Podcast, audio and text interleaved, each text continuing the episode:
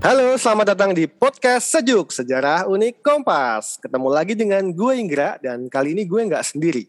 Ada Danang yang akan menemani cerita sejarah kita kali ini dalam Serius Sejarah Serius. Gimana bro? Sehat? Sehat-sehat bro. Mantap. Ya, oke kita langsung aja. Ada apa di Sejuk kali ini? Halo Sobat Sejuk, salam kenal gue Danang.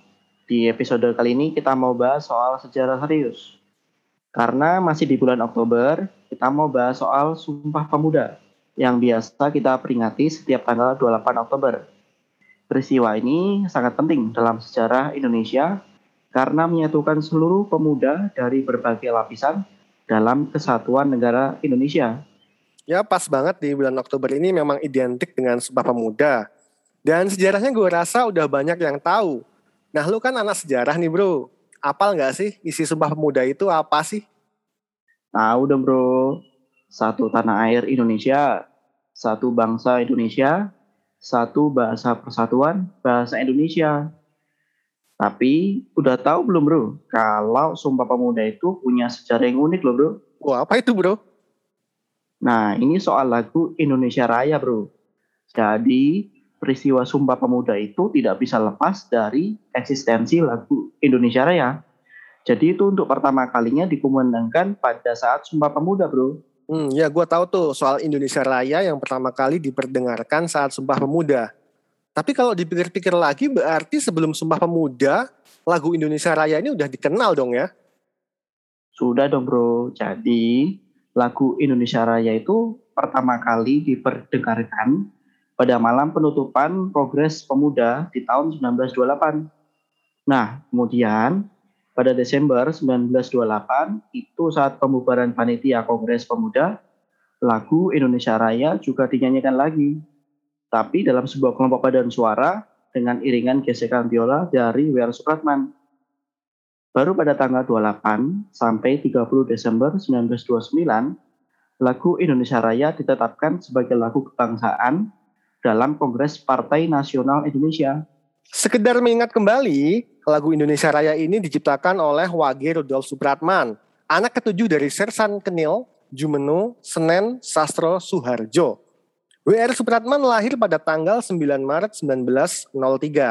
Sayangnya, ia meninggal di usia 35 tahun pada tanggal 17 Agustus 1938.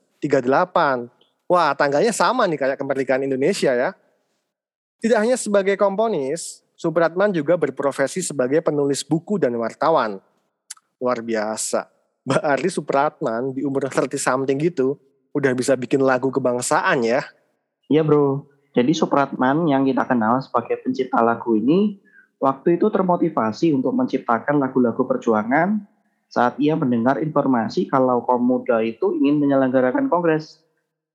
Nah setelah itu ia menciptakan beberapa judul lagu seperti dari barat sampai ke timur, Indonesia Raya, Bendera Kita, Bangunlah Hai Kawan, terus Ibu Kita Kartini yang biasa kita dengarkan di saat 21 April itu diciptakan sama Supratman. Kemudian juga ada Indonesia Ibuku, Mars KPI, Mars Parindra, Suryo Wirawan, dan yang terakhir itu Matahari Terbit. Nah, sejak saat itu, lagu Indonesia Raya itu menjadi lagu yang memberikan semangat para pejuang dalam memperjuangkan kemerdekaan Indonesia. Tapi akibatnya ketika itu pemerintah Hindia Belanda sempat melarang lagu Indonesia Raya. Bahkan kalaupun boleh itu dinyanyikan di ruangan yang tertutup bro. Hmm, jadi udah kelihatan nih lagu memang pembakar semangat ya. Makanya dilarang sama Belanda. Bener banget tapi saat pendudukan Jepang larangan menyanyikan lagu Indonesia Raya itu sempat dicabut terutama ketika Jepang sudah mulai mengalami kekalahan di dalam Perang Dunia Kedua. Oke, dalam perjalanannya naskah lagu Indonesia Raya itu telah mengalami beberapa perubahan karena ada penambahan nada, perubahan irama, dan penggantian syair.